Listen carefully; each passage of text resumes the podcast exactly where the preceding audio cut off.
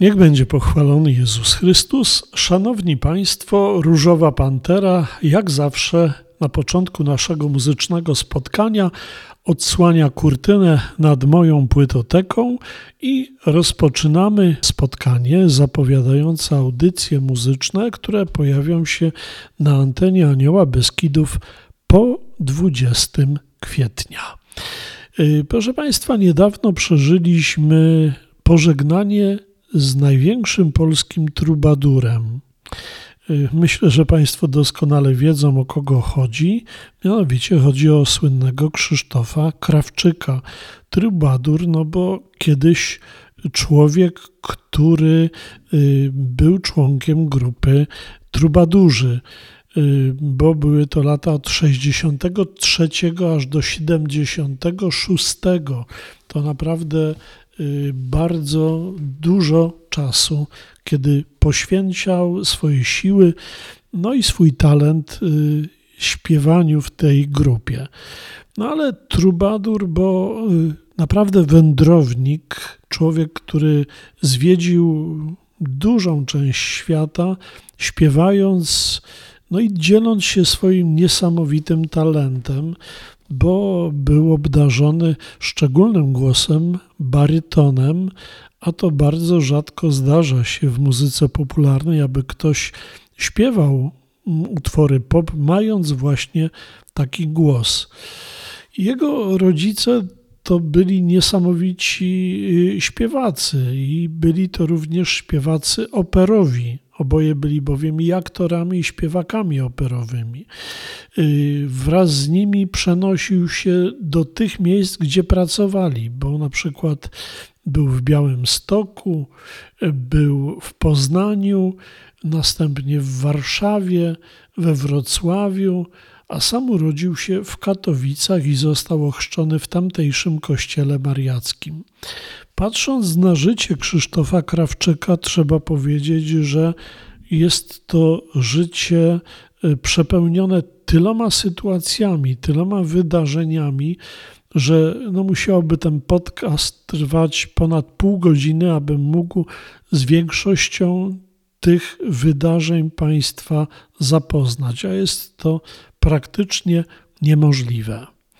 Ale y, trzy takie rzeczy, na które chciałbym zwrócić uwagę, y, kiedykolwiek Państwo będą brać do ręki nagrania Krzysztofa Krawczyka i odtwarzać je.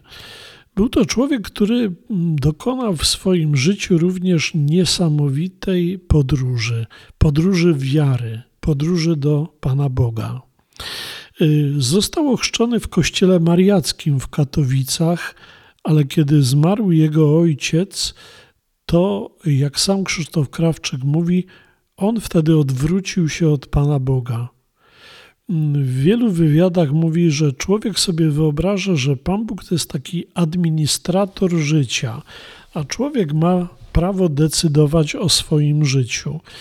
No i może się od Boga odwrócić, może potupać nóżką, powiedzieć: Ja w Ciebie Boże nie wierzę, nie chcę znać Ciebie. No i tak się też stało w życiu Krzysztofa Krawczyka, bo jego ojciec y, odszedł od niego i on potraktował Pana Boga jako kogoś, kto niesprawiedliwie ojca mu odebrał. Y, Krzysztof Krawczyk powiedział w jednym z wywiadów, że nie mógł pogodzić się z tym, że skoro Bóg jest tak dobry, to dlaczego odbiera mu ojca? Po wielu latach zrozumiał, że życie nasze nie należy do nas, że Bóg jest tym, od którego wszystko zależy. Sam się też przekonał o tym podczas potwornej sytuacji w swoim życiu.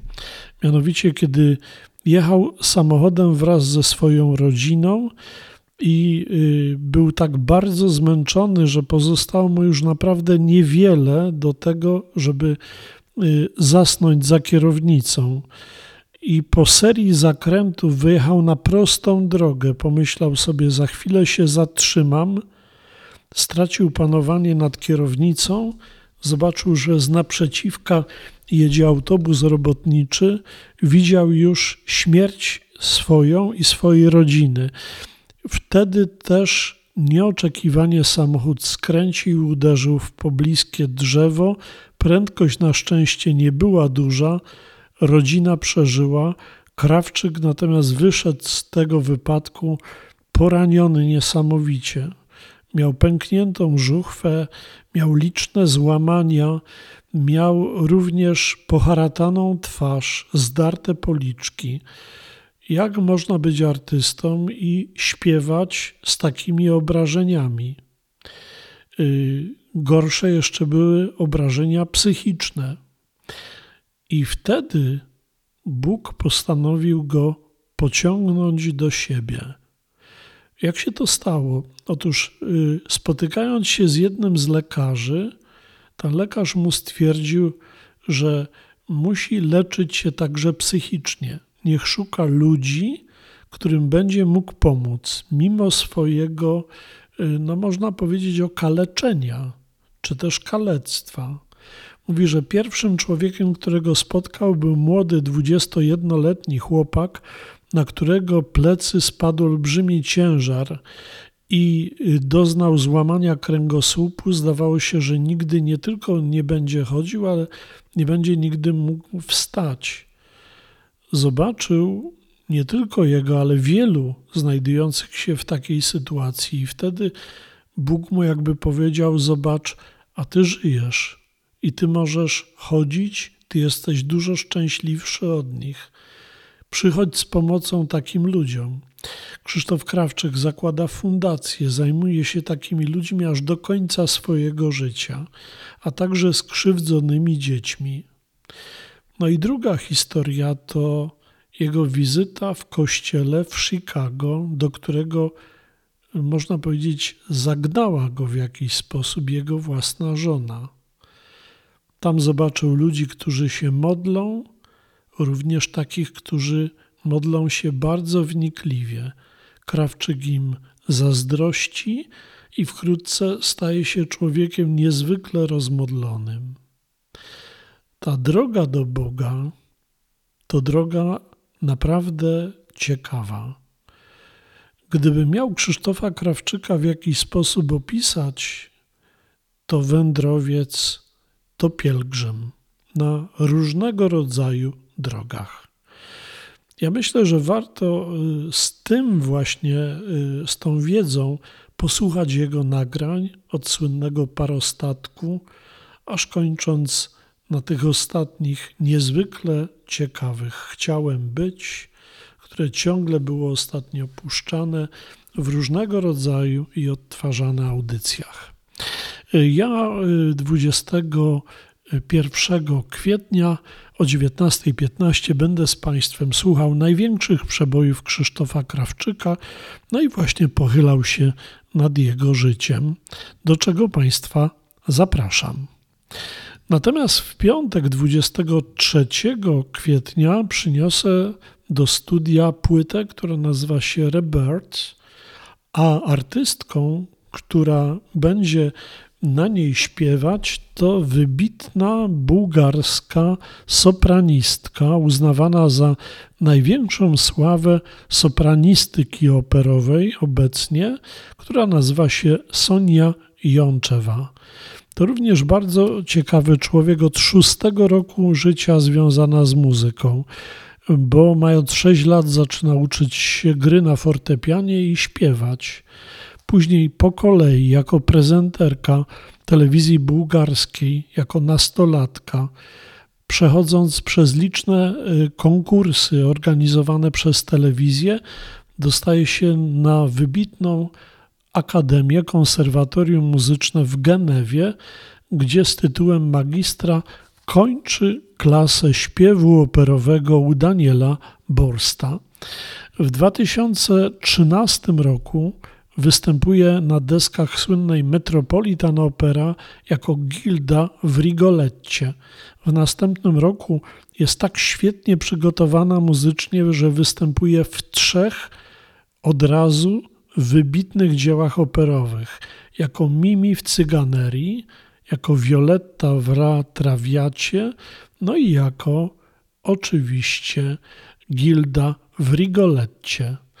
Występuje na deskach najsłynniejszych teatrów operowych świata. Jest człowiekiem, który otrzymuje różnego rodzaju nagrody. Y, jest y, świetnie radzącą sobie w klasyce operowej, ale także w muzyce barokowej, gdzie trzeba mieć odpowiedni sposób śpiewania, interpretowania tej muzyki. No i wreszcie jako duch niepokorny tworzy zespół, który nazywa się e, Nowonarodzeni.